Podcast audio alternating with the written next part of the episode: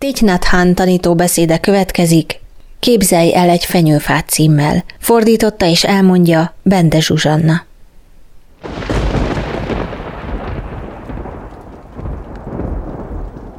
Tanítóbeszédek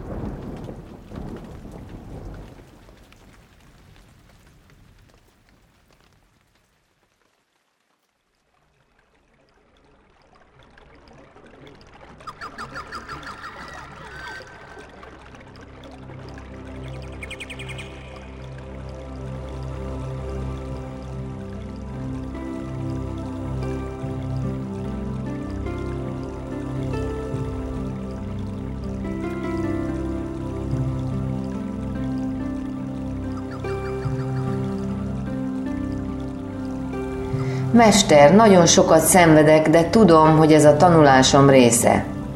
A szenvedéseimnek két forrása van. Egyik egy krónikus betegség, ami rengeteg fájdalommal jár. A másik oka az, hogy természetvédő vagyok, és szenvedélyesen érdekel a földünk sorsa.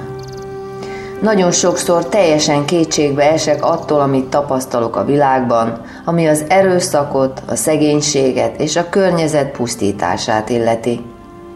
Milyen gyakorlatot javasolsz azoknak, akiket fizikai fájdalmak vagy a világ dolgai fölött érzett kétségbeesés gyötör?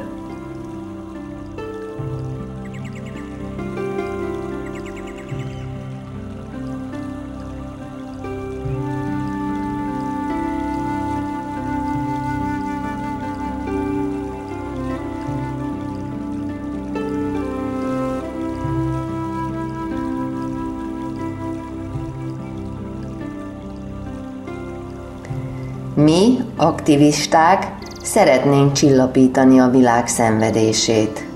De tudjuk, ha nem vagyunk eléggé megbékéltek, és nincs bennünk elegendő együttérzés, akkor nem vagyunk képesek a világ segítségére lenni.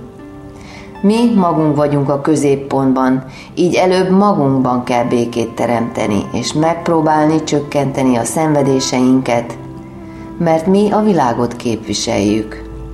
A békét, a szeretetet és a boldogságot mindig magunkban kell létrehoznunk először.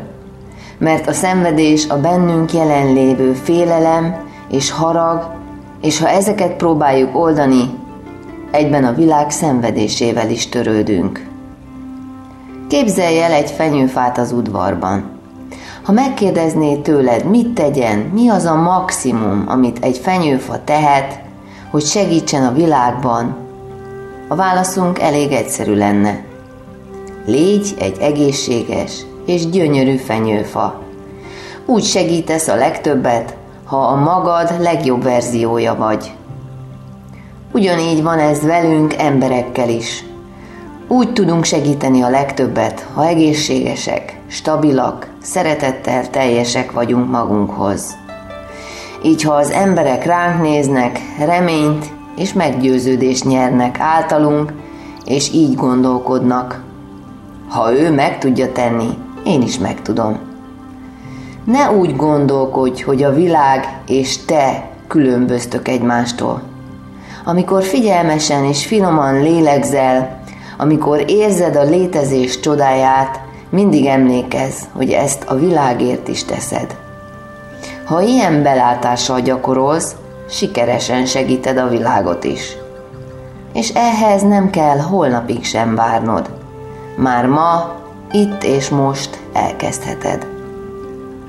A buddha rengeteg módszer tanított arra nézve, hogyan tudjuk redukálni a szenvedéseinket a testünkben vagy az elménkben, ami az önmagunkkal való megbékélést eredményezi. Megtanultuk, hogy úgy tudjuk a fizikai fájdalmakat csökkenteni, ha megpróbáljuk a testben a feszültségeket elengedni. A fájdalom a feszültség függvényében változik, tehát csökken, ha a feszültség csökken.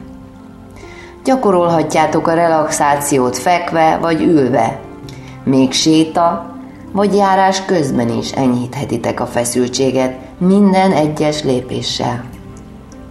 Úgy sétáljatok, mint egy szabad ember, Tegyetek le mindent, ne cipeljetek semmit. Mindig van egy terhünk, amit le lehet tenni. A képesség, amit el kell sajátítanunk az, hogy hogyan kell letenni a terheket, hogyan lehessünk könnyűek. Ha így módon ülsz, sétálsz vagy fekszel, könnyű lesz elengedni a feszültséget.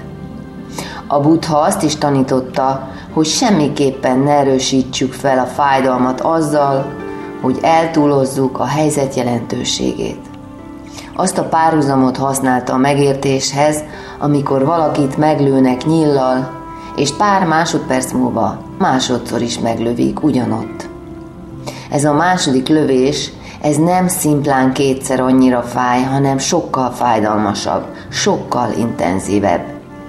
Tehát amikor a fájdalmat érzékeled, mindegy, hogy fizikai vagy mentális, egyszerűen csak vedd tudomásul, hogy olyan, amilyen, és ne túlozd el. Mondd ezt magadban, miközben belélegzel.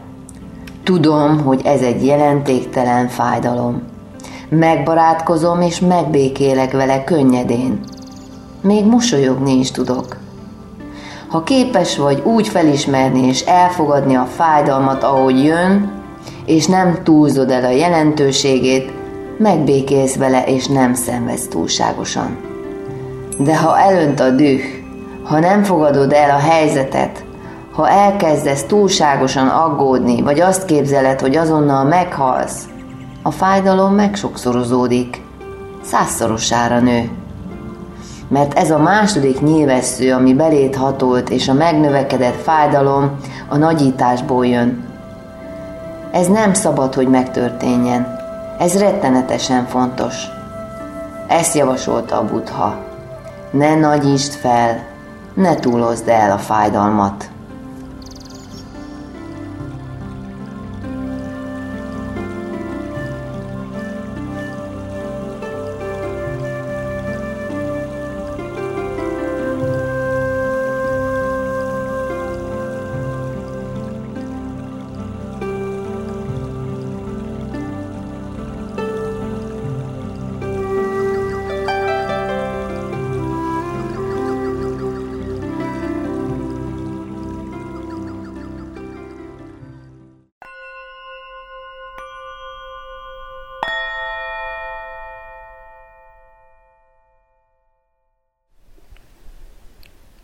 Thich Nhat tanító beszédét hallották, Képzelj el egy fenyőfát címmel. Fordította és elmondta Bende Zsuzsanna.